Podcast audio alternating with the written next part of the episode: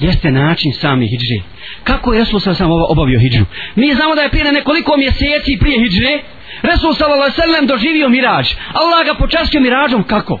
Na koji način? Za jednu noć Resul sallallahu alejhi ve sellem iz Mekke biva prenešen u, med, u kuc Mesdžidul Aksa a iz kuca do sedmoga neba i vraća se za istu noć na buraku. Allah ga počastio mirađu. Nakon toga, dakle, da bi, da bi nakon mirađa, nakon takvog putovanja, učinio hijđru kao običan čovjek, gdje se skriva, bježi, uzima sve ljudske uzroke, kao što i uzima svaki drugi insan, i ovdje se postavlja pitanje, zašto Allah Đelešanuhu nije Resula s.a.v.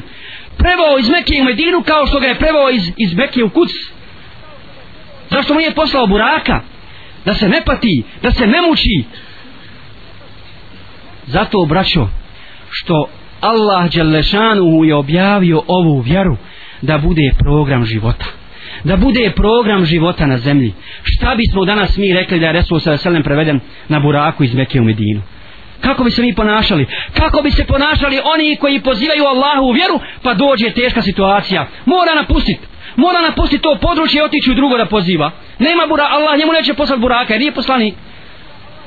Nego Allah hoće da preko poslanika Muhammed se nauči ummet kako će se ponašati kada dođe teško stanje i da uzme uzroke pored tevekula na Allaha Đelešanuhu da koristi sredstva koja mu je Allah dao dao da ih iskoristi na putu širenja, širenja istine i druga stvar da ne doživi da ne doživi, ne, ne smije dozvoliti da doživi poniženje on sa svojom vjerom.